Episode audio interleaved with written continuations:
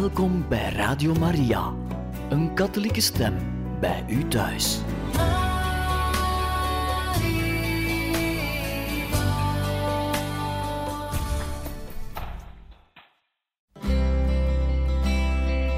Welkom bij Boekat, een programma van Radio Maria.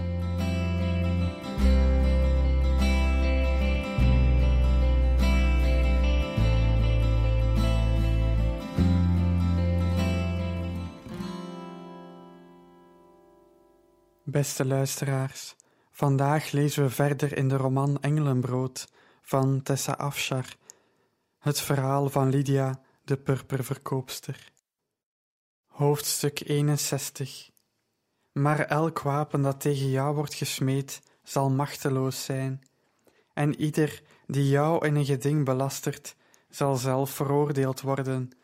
Dit is het deel dat de dienaren van de Heer toekomt. Dit is het recht dat ik hun toeken, spreekt de Heer. Jesaja hoofdstuk 54, vers 17. Lydia's hele huishouding kwam om de generaal toe te juichen toen hij zijn ereplaket ontving. Het was of het grootste deel van Filippi hetzelfde deed, want het forum krioelde van de mensen. De generaal had in zijn lange leven velen gediend en was een graag geziene inwoner van de stad. Zelfs Leonidas had beslist willen komen, aangezien Varius een trouwe bezoeker van het theater was. Terwijl hij wachtte tot de plechtigheid begon, leunde de generaal op een delicaat gekerfde stok met een ivoren handvat. Lydia meende hem te herkennen als de stok die Emilia jaren eerder had gebruikt. Ontroerd merkte ze op hoe broos Varus in de afgelopen maanden was geworden. Varus had gewild dat zij, zijn geadopteerde dochter, naast hem stond, terwijl zijn neef en erfgenaam de erepositie aan zijn rechterhand innam. Iemand haalde een stoel, zag ze tot haar opluchting, en Varus ging met een zucht zitten. De plechtigheden begonnen en werden gelukkig kort gehouden uit eerbied voor Varus' leeftijd en gezondheid. Eindelijk plaatsten ze een lauwere krans op zijn gerimpeld voorhoofd en onthulden ze de plaket die bovenop een van de openbare gebouwen was opgesteld, terwijl iedereen applaudisseerde. Nadat ze de generaal een klein geschenk en een dochterlijke kus had gegeven, keerde Lydia terug naar de rest van haar huishouding. Inwoners van Filippi, vrienden, Romeinen, schreeuwde een bekende stem uit het centrum van het forum. Mijn nieuws betreft Lydia, de vermaarde handelaarster in purper in onze stad. We hebben haar jarenlang vertrouwd. We hebben haar ons geld en ons vertrouwen gegeven. We rekenden erop dat ze een eerlijk handelaarster was. Lydia sloot haar ogen.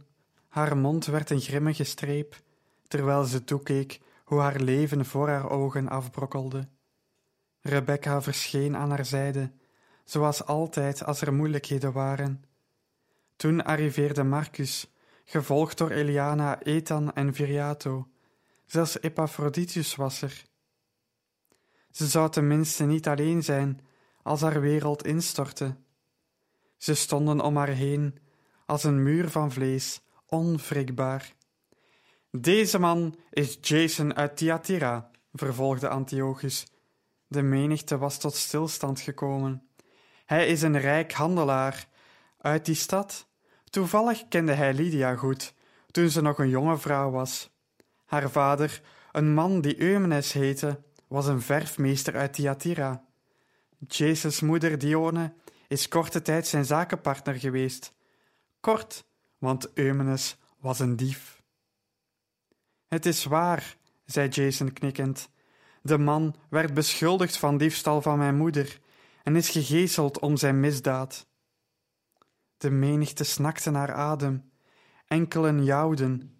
Antiochus stak zijn hand op om stilte. Jason heeft me verteld dat Lydia voor haar vader werkte toen de diefstal werd ontdekt. Het is dus niet waarschijnlijk dat ze niets van zijn oneerlijkheid af zou weten. Dus daar sta je dan, volk van Filippi, die zogenaamd fatsoenlijke zakenvrouw is niet alleen de dochter van een dief, maar heeft waarschijnlijk zelf ook gestolen. Wie zal zeggen dat ze ons niet al die jaren heeft beroofd? Eens een dief, altijd een dief. Beoordelen jullie maar wat er met deze beschuldiging moet worden gedaan. Het lawaai zwol aan, boze geluiden klonken op. Verlamd van de angst keek Lydia naar de beschuldigende, naar haar uitgestoken vingers. U bent het anker van mijn ziel, Heer. Met het stille gebed in haar hoofd stroomde ze vol vastberadenheid. Ze nam één stap. U bent mijn hoop. Ze nam nog een stap. Mijn zekerheid. Nog een stap. U grondvest mij in alles wat betrouwbaar is en goed. Nu stond ze midden voor het volk. Onmiddellijk was iedereen stil. Het is waar dat mijn vader Eumenes van diefstal werd beschuldigd, begon ze. De menigte joelde. Ze stak een hand op. Maar de beschuldiging was vals. Die man, Jason, en zijn moeder hebben gelogen en bedrogen om ons van ons land en bedrijf te beroven.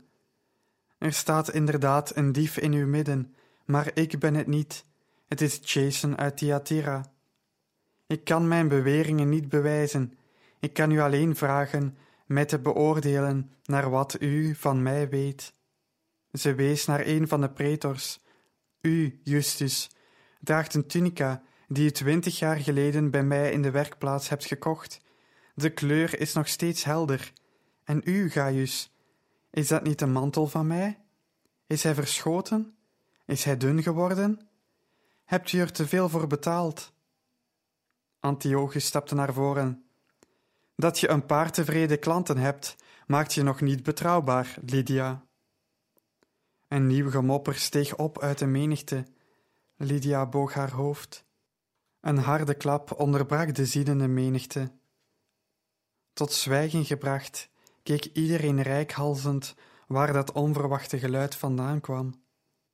De generaal had plaatsgenomen onder zijn plaket. Zijn stok was in tweeën gebroken. Zijn prachtige plaket, die net geïnstalleerd was, lag in kleine stukjes aan zijn voeten. In zijn woede had hij ze allebei kapotgeslagen. Heb je het over mijn dochter, Antiochus? zei de generaal. Ik heb haar nooit anders gekend dan als betrouwbaar. Vroeger is ze mijn moeder een kleine som schuldig geweest en die heeft ze volledig en op tijd afbetaald.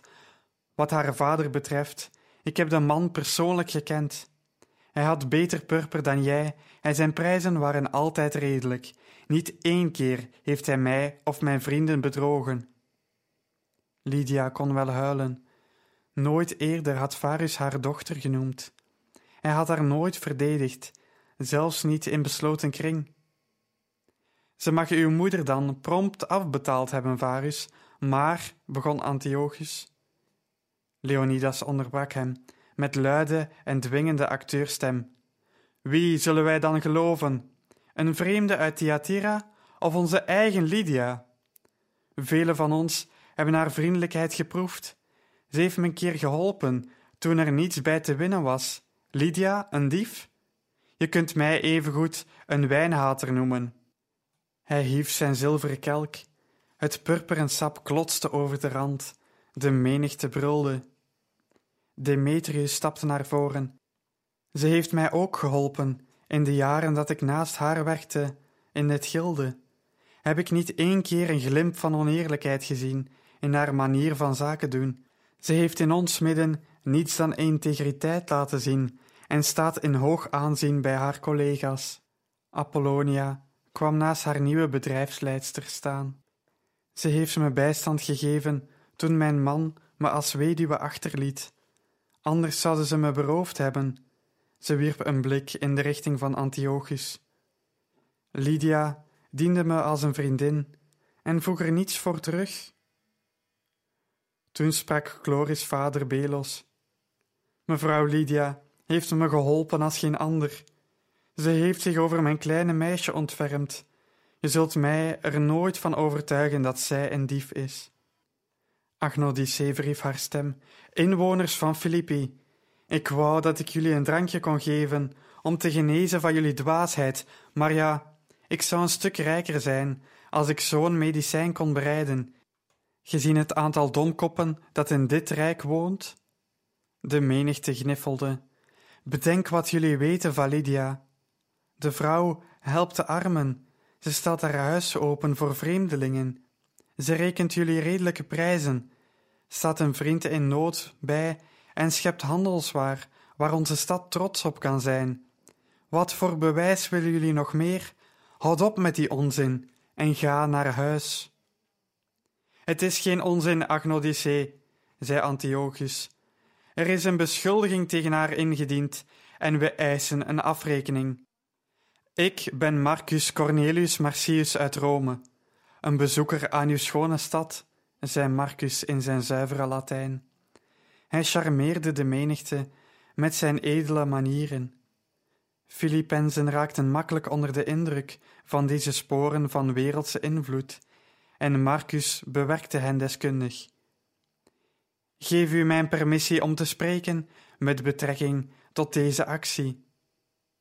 De mensen juichten en Marcus hief een hand op als teken van waardering. Je vraagt om een afrekening, Antiochus. Maar het lijkt mij dat we je al meer dan genoeg afrekeningen hebben gegeven. Iedere redelijke man onder ons is overtuigd van Lydia's onschuld. Zowel de hoogste als de laagste inwoners van de stad hebben haar verdedigd, maar je lijkt nog niet tevreden. Wie is veilig voor zo'n tong als de jouwe, voor de diepte van jouw verdachtmaking? Straks beschuldig je de vader van je eigen neef, Epaphroditus, er nog van een dief te zijn. Zijn vader is ook een dief, schreeuwde Antiochus. De menigte brulde van het lachen. Ach, kom nu op, Antiochus, dat is een goede grap. En nu? Ga je onze geëerde pretors ook nog beschuldigen dat ze zonder proces de geesteling van een Romeins staatsburger hebben geëist? De pretor, die herinnerd werd aan de ernstige vergissing die hij nog maar een paar dagen geleden had begaan, grotendeels te danken aan het aandringen van Antiochus, kwam naar voren. Nu is het genoeg. We geloven, Lydia.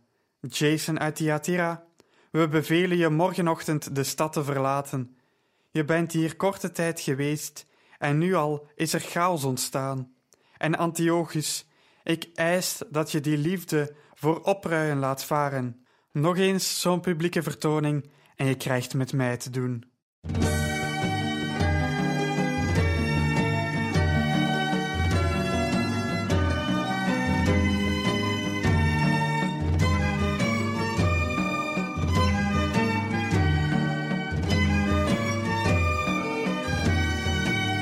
Enkel u komt toe, o Heer, alle glorie, alle eer. Goede Vader, wees gezegend en geloofd. Enkel u verniet te licht, het allerhoogste toegedicht. En wij buigen voor uw nederig het hoofd. Wees geprezen, goede Heer, in uw schepping evenzeer. Zuster zon, haar licht, haar helen warme stralen. Het is een wonder, wissen waar, dat u ons verlicht door haar. Mogen zij uw goed naar ons toe vertalen. Wees geloof voor zuster maan, in de sterren die er staan. De nachten klaar en helder, scheen ze geven. Wees geloofd voor broeder wind, die in wolken regen vindt. En verspreid opdat uw schepping mogen leven.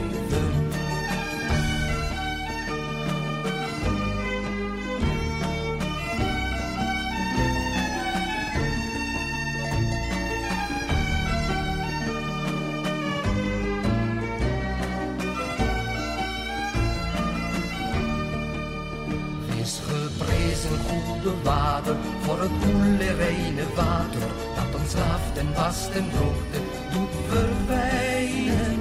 Wees geloofd op voor het vuur, dat ons warm dient late uur. In zijn vruchten en zijn kracht op ons laat schijnen.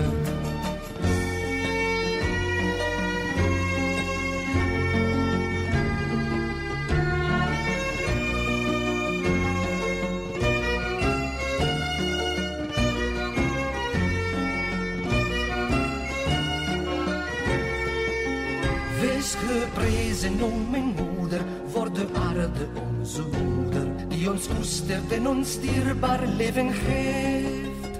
Vruchten vol van smaak en geuren, bloemen wilde van kleuren, in de bomen, in het gras en al wat leeft. Wees geloofd voor hen die leven in uw liefde en vergeven, ook als onrecht en ellende, en dan wonen. En gezegend die door vrede te verleen zich door u, o Vader, mogen laten kronen. Wees geprezen, o mijn Heer, voor ons lichaam broos en dat de dood van het leven zomaar kan bestelen. Van gezegend zijn nog deze, die de dood niet moeten wezen, omdat zij voor eeuwig in uw liefde delen.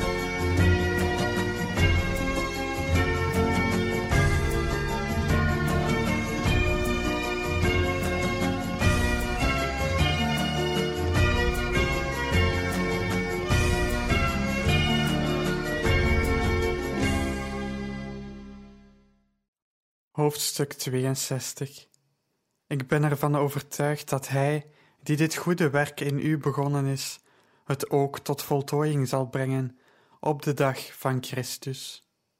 Filippenzen hoofdstuk 1, vers 6 Geheimen vroeten als mollen in de grond van het hart.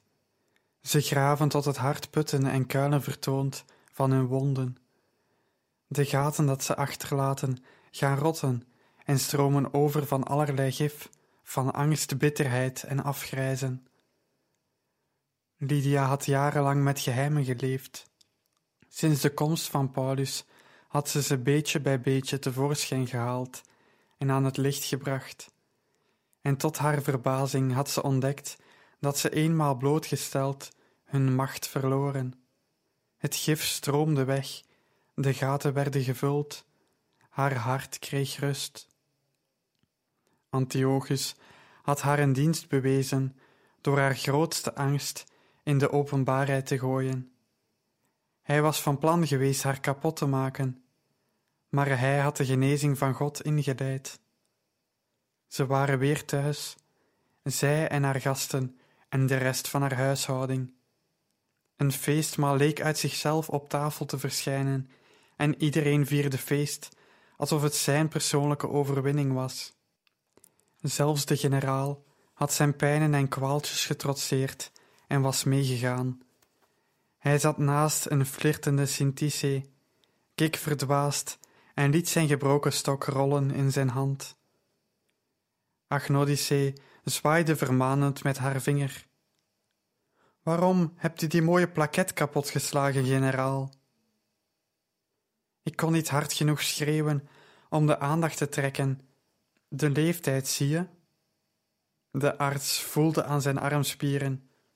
Niet zo oud. De generaal grinnikte, ingenomen met zichzelf. Eerlijk gezegd vond ik de plaket niet bijzonder mooi. Hij was nogal klein, vind je niet? Dus ik heb de pretor beloofd dat ik zou betalen om hem te laten vervangen. Ik zal zorgen dat de volgende een fatsoenlijk formaat heeft. Een wesp was geslaagd het korte vertrek binnen te vliegen, en Leonidas jaagde hem vrolijk na, met een schoen in de ene hand en een volle kelk in de andere. Ik heb hem Antiochus genoemd, schreeuwde hij. De angel zit aan de andere kant, maar verder lijken ze precies op elkaar. Agnodice legde hem het zwijgen op en beval hem zich netjes te gedragen. Ze had evengoed de golven van de Middellandse Zee kunnen bevelen zich betamelijk te gedragen. Lydia zag Epaphroditus alleen in een hoek zitten en voegde zich bij hem. Ik wil je zeggen dat je gerust mag blijven als je wilt. Je kunt voor me blijven werken. Je lei is schoon, wat mij betreft. Zijn ogen werden groot. Ze gaf zijn hand een geruststellend kneepje ik vergeef je wat je gedaan hebt, Epaphroditus. Mevrouw, ik ben dieper beschaamd dan ooit, nu ik uw geschiedenis te weten ben gekomen. Uw vader was beschuldigd, net als de mijne, alleen was hij onschuldig. En toch bent u eerlijk en goed gebleven. U bent alles kwijtgeraakt, wat u bezat, en u hebt zich niet door angst op het verkeerde pad laten brengen. Wat je gedaan hebt, is in het verleden, Epaphroditus. Ook ik ken de macht van de angst. Het is moeilijk om weerstand te bieden aan zijn verstikkende greep. Agnodice onderbrak haar, onbewust van de aard van het gesprek. Lydia, zei ze, wil je ons het hele verhaal vertellen van wat er in Thyatira is gebeurd? Lydia ging op een kussen zitten en nam even de tijd om haar gedachten op een rijtje te zetten. Mijn voorouders hebben geslachtenlang in Thyatira gewoond. Lang voordat Rome haar meester werd, had onze familie zich daar een thuis gemaakt. Ik dacht dat ik mijn hele leven lang in het land van mijn voorouders zou doorbrengen en bij hen begraven zou worden in de grond van Thyatira, maar God had andere plannen voor me. Ze vertelde haar verhaal, waarbij ze haar gevoelens voor Jason verdoezelde. Ze vertelde geen leugens, ze besloot alleen te verzuimen bepaalde details bloot te leggen. Deze menigte was te groot voor zulke intimiteiten. Hoewel ze geleerd had haar verleden aan enkele bijzondere metgezellen toe te vertrouwen, vond ze het niet verstandig om persoonlijke details over haar leven met een grote groep mensen te delen. Ik heb altijd geweten dat je sterk was, zei Leonidas, maar ik wist niet wat je had moeten overwinnen om zoveel te bereiken. Ik had het niet alleen kunnen doen, Leonidas. Lydia glimlachte met stralende ogen. Ik had Rebecca, die beter dan een zuster en wijzer dan een Griekse advocaat voor me is geweest. De moeder van de generaal Emilia was als een grootmoeder, bankier en manager in één. Als er al overwinning is in mijn leven, dan dankzij hen die er een rol in gespeeld hebben. Het was al laat toen haar gasten naar huis gingen. Lydia was klaar wakker, nog vol van de gebeurtenissen van die dag. Ze stapte naar buiten in de maanloze nacht en genoot van de stilte. Mag ik bij je komen? vroeg een bekende stem. De duisternis omhulde hen, zodat ze de omtrek van zijn gestalte niet goed kon zien. Natuurlijk.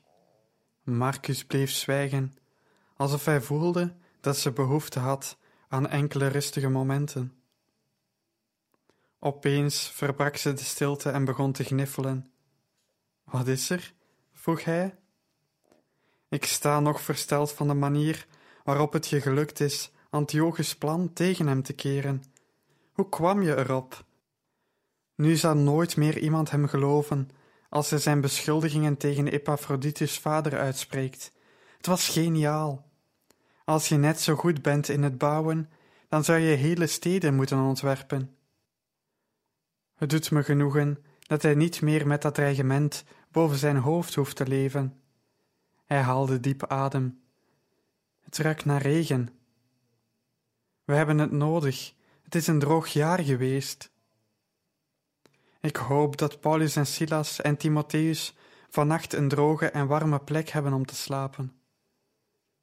Mis je hen?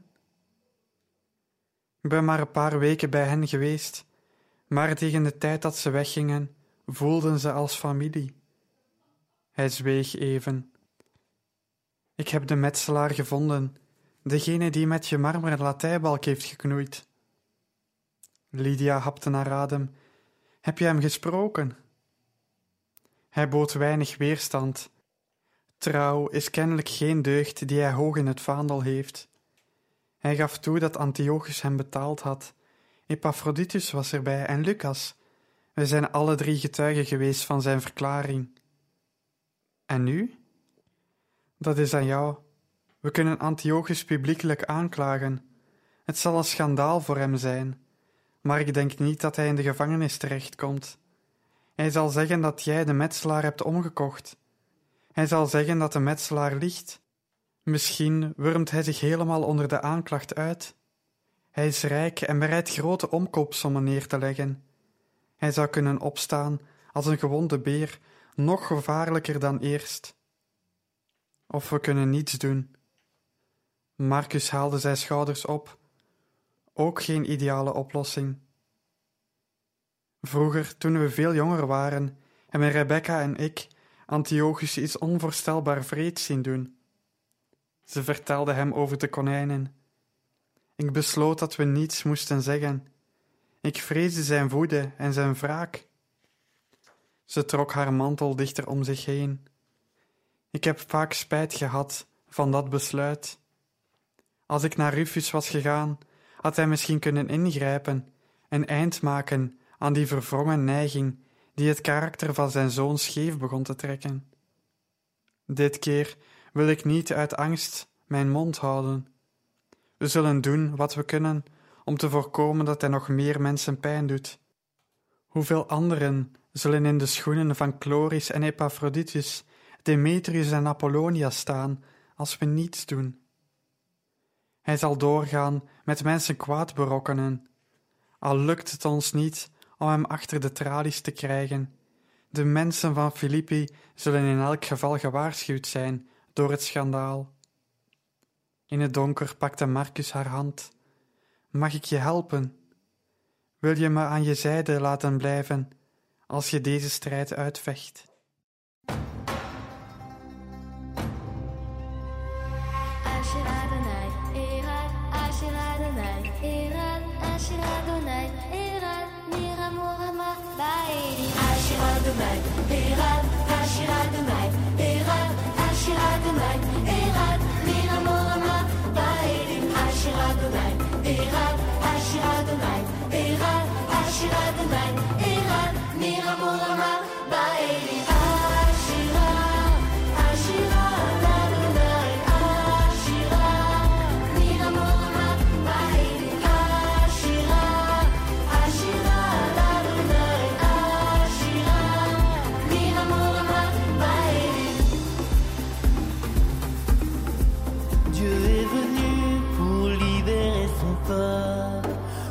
pleine nuit, il a ouvert la mer. Pourquoi trembler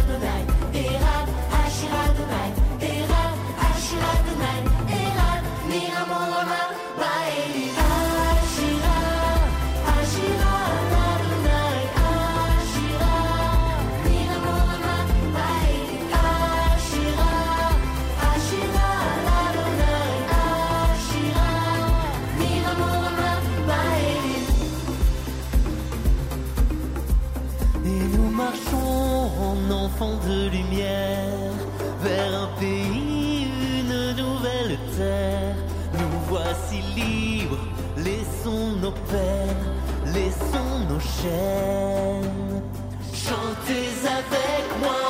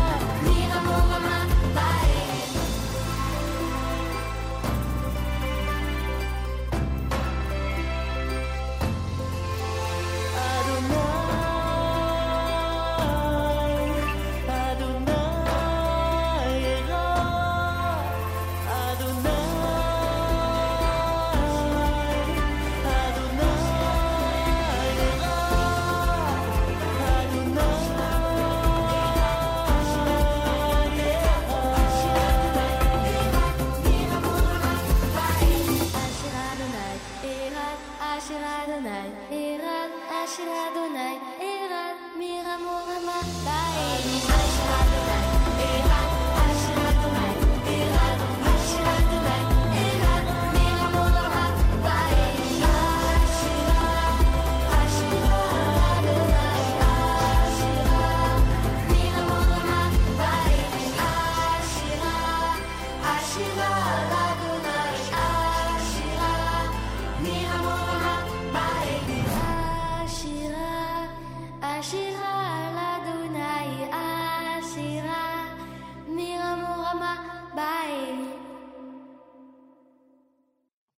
Hoofdstuk 63 Ik ben van mijn lief en mijn lief is van mij.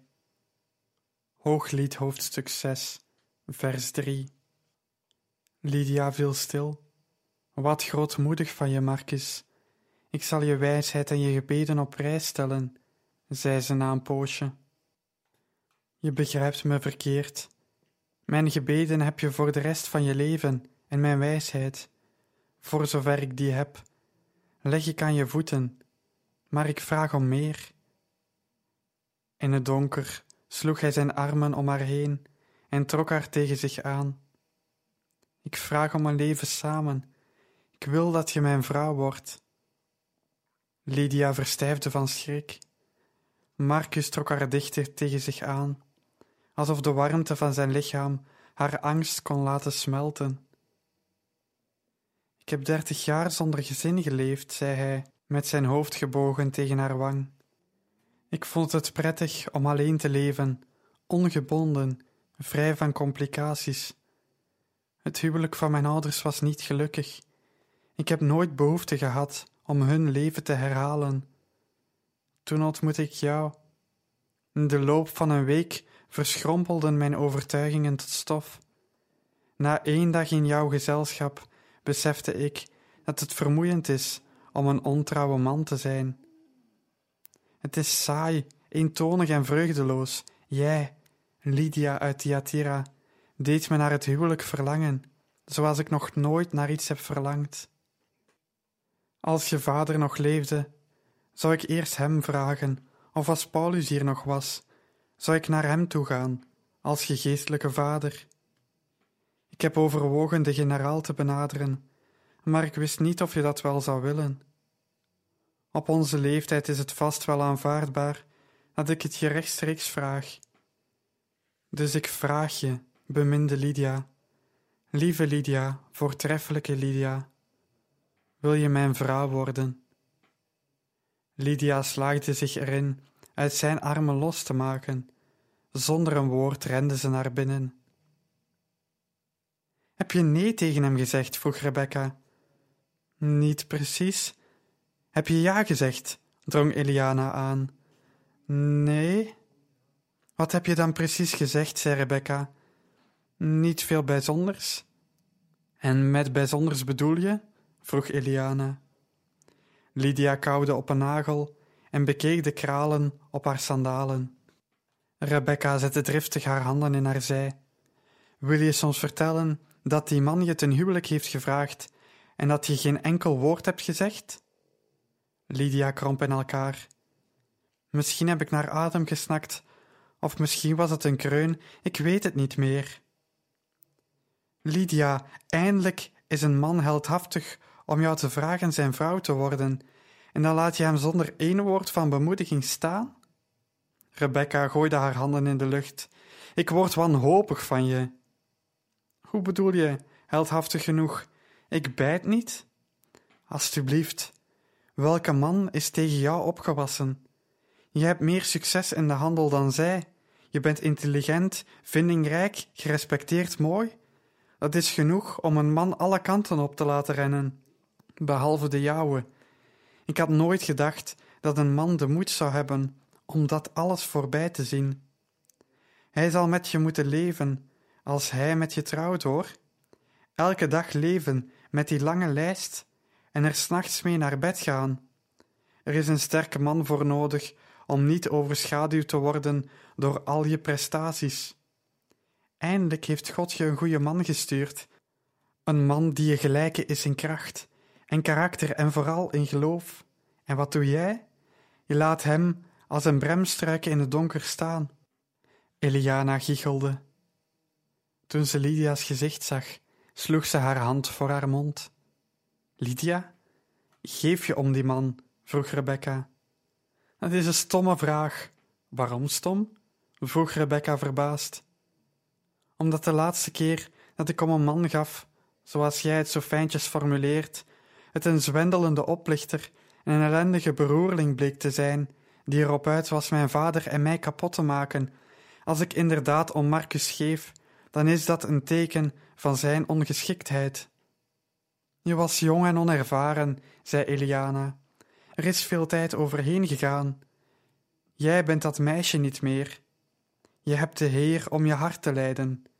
Je hebt jaren van vrome raadgeving om je verstand te steunen. Lydia drukte haar handen tegen haar buik. Ik vertrouw mijn eigen oordeel niet. Rebecca pakte haar hand. Ik wel. Ik vertrouw er onvoorwaardelijk op. Ik vertrouw er mijn leven aan toe. Ze klopte Lydia op de schouder. Beheers je en ga met die arme man praten die het lef heeft gehad om verliefd op je te worden. Wat moet ik tegen hem zeggen? Je hoeft geen ja of nee te zeggen. Wat je tegen Eliana en mij hebt gezegd, is voor zijn oren bestemd. Hij verdient te begrijpen waarom je voelt wat je voelt. Je wantrouwen is niet tegen hem gericht, het is tegen jou gericht. Dat moet hij weten. Marcus stond precies waar ze hem had achtergelaten, tegen de deurpost geleund. Ze nam een lamp mee toen ze zich herinnerde hoe donker het was geworden. Het spijt me, Marcus. Hij lachte een beetje. Excuses zijn niet nodig. Ik heb me te veel veroorloofd. Hij haalde zijn schouders op. Je beantwoordt mijn gevoelens niet, vergeef me. Het was niet mijn bedoeling je in verlegenheid te brengen. Dat is niet waar, riep ze uit. Heb ik je niet in verlegenheid gebracht? Hij keerde zich naar haar toe en in het licht van de lamp zag ze dat hij gebroken was. Haar hart kromp ineen bij de gedachte dat zij die blik op zijn gezicht had veroorzaakt. Lydia zette de lamp neer. Ze veegde haar natte handpalm af in haar mantel. Het is niet waar dat ik je gevoelens niet beantwoord. Marcus richtte zich op en kwam naast haar staan. Dit keer raakte hij haar niet aan. Maar de enige man van wie ik heb gehouden is Jason. Houd je nog steeds van hem? Alsjeblieft zeg, zo stom ben ik niet. Nee, het is alleen dat. Tja, ik denk dat ik een betere smaak heb ontwikkeld. Voor stoffen dan voor mannen. Marcus had even tijd nodig om te bevatten wat ze bedoelde. Ben je bang dat je je gevoelens niet kunt vertrouwen? Ik weet dat je volkomen anders bent dan Jason. Toch kan ik die angst niet loslaten. Als je nou eens helemaal niet bent wat je lijkt. Marcus glimlachte. De waarheid komt altijd aan het licht, lieve Lydia. Geen mens kan zijn ware zelf voor altijd verbergen. In de loop van een maand of een jaar zie je het beste en het slechtste van hem. Als je wilt, zal ik je angst uitzetten. Lydia deed een stap naar voren, tot hun gezichten elkaar bijna raakten. Zou je dat voor me doen? Ik ben sterker dan angst, zul je ontdekken, lieveling. Ik zal wachten. Aan het begin van de winter diende Lydia haar aanklacht tegen Antiochus in bij het hof. De metselaar, die kwaad was omdat Antiochus verscheidene klussen weigerde te betalen, getuigde niet alleen ten behoeve van Lydia, maar ook in twee andere zaken, waar een werkplaats van een concurrent was beschadigd. Toen Lydia haar klacht eenmaal voor het gerecht had gebracht, kwamen tot haar verbazing ook anderen over de brug met hun zaken. Een vader wiens dochter verkracht was, een man wiens honden hij had gemarteld, verscheidene klanten die hem beschuldigden van bedrog. Niemand had het aangedurfd om in zijn eentje Antiochus kwaadaardigheid het hoofd te bieden. Maar Lydia's officiële aanklacht opende de deur voor anderen om genoeg moed bij elkaar te rapen om hen te confronteren. Uiteindelijk waren er zoveel getuigen en zoveel beschuldigingen dat zelfs Antiochus niet meer kon ontkennen. Het was een bitter proces dat eindigde met Antiochus' verbanning. Hij verliet Filippi als een nog steeds relatief rijk man, maar met een verwoeste reputatie. Marcus stond als een onwrikbare muur naast haar toen ze de beschuldigingen tegen Antiochus uitbracht. Hij gaf haar kracht toen de angst haar vastberadenheid dreigde te overspoelen. Als Antiochus iemand stuurde om haar kwaad te doen, kon die man niet eens in haar buurt komen, nu Marcus, Rebecca, Epaphroditus, generaal Varus en Lucas haar omringden als een beschutte muur. Marcus bleek gelijk te hebben. Binnen negen maanden had Lydia geleerd haar eigen hart te vertrouwen, want hij had bewezen betrouwbaarder te zijn dan alle mannen die ze sinds de dood van haar vader had gekend.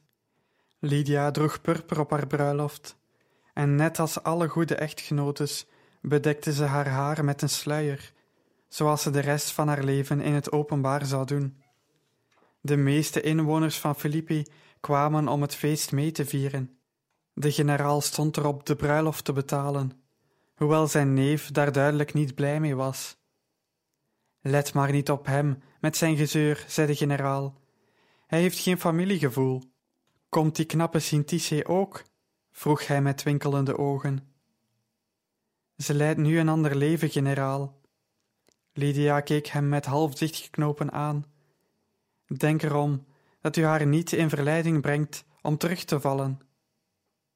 Marcus verkocht zijn perceel in Efeze en verhuisde zijn trouwe bedienden en bezittingen naar Filippi. We moeten uitbouwen, zei hij bedachtzaam. Je groeit je werkplaats uit.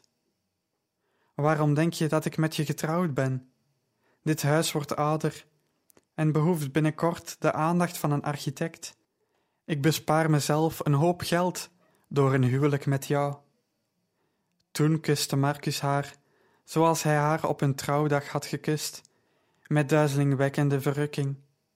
Ze konden allebei haast niet geloven dat ze op hun leeftijd duurzame liefde hadden gevonden. Hun huis bleef een van de centrale ontmoetingsplaatsen in Filippi, waar christenen tientallen jaren vergaderden. In Marcus' uitbouw aan het huis kon de Ecclesia comfortabel en in veiligheid samenkomen. Ze wortelden diep in de Heer en groeiden in aantal en in geloof. Hun gemeenschap werd altijd geschraagd door de liefde van Marcus en Lydia en het warm bewelkom van Rebecca. Door de jaren heen werden ze bemoedigd door brieven van Paulus, die een bijzondere liefde koesterden voor de gemeente die hij begonnen was op een sabbatochtend aan de oever van een rivier. En zo, beste luisteraars van Radio Maria, hebben we in dit programma Boekad het boek Engelenbrood van Tessa Afshar voorgelezen. Voor meer info over dit boek, of indien u dit programma wenst te herbeluisteren, neem dan zeker een kijkje op onze website radiomaria.be.